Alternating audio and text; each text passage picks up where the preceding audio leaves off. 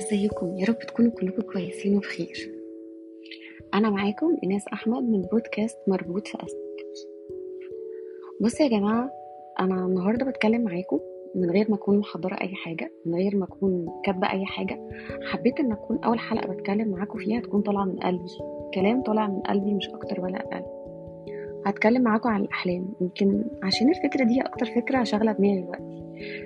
يمكن عشان أنا من الناس اللي أجلت أحلامها على اوقات طويلة قوي بس دلوقتي خلاص أخدت القرار إن أنا تقريبا هحاول أحقق كل أحلامي. وابتديت إن أنا أخد خطوات جدية فعلا إن أنا أحقق أحلامي خصوصا الأحلام اللي أنا في إيدي أحققها لأن أكيد في أحلام إحنا مش في إيدنا إن إحنا نحققها أو إمكانياتنا ما تساعدش إن إحنا نحققها.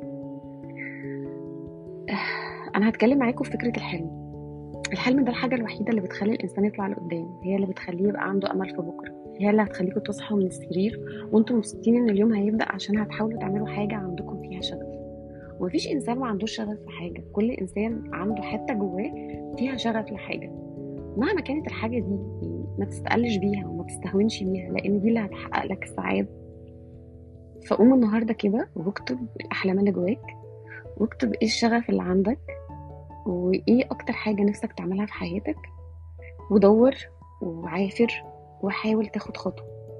أول خطوة هي اللي هتفرق معاك جدا. وما تنساش إن دايما متعة. المتعة بتكون في الرحلة مش في الوصول كلنا إحنا مسافرين بنبقى مبسوطين قوي وإحنا في الطريق أكتر ما بنكون وصلنا للمكان. حط دي في دماغك.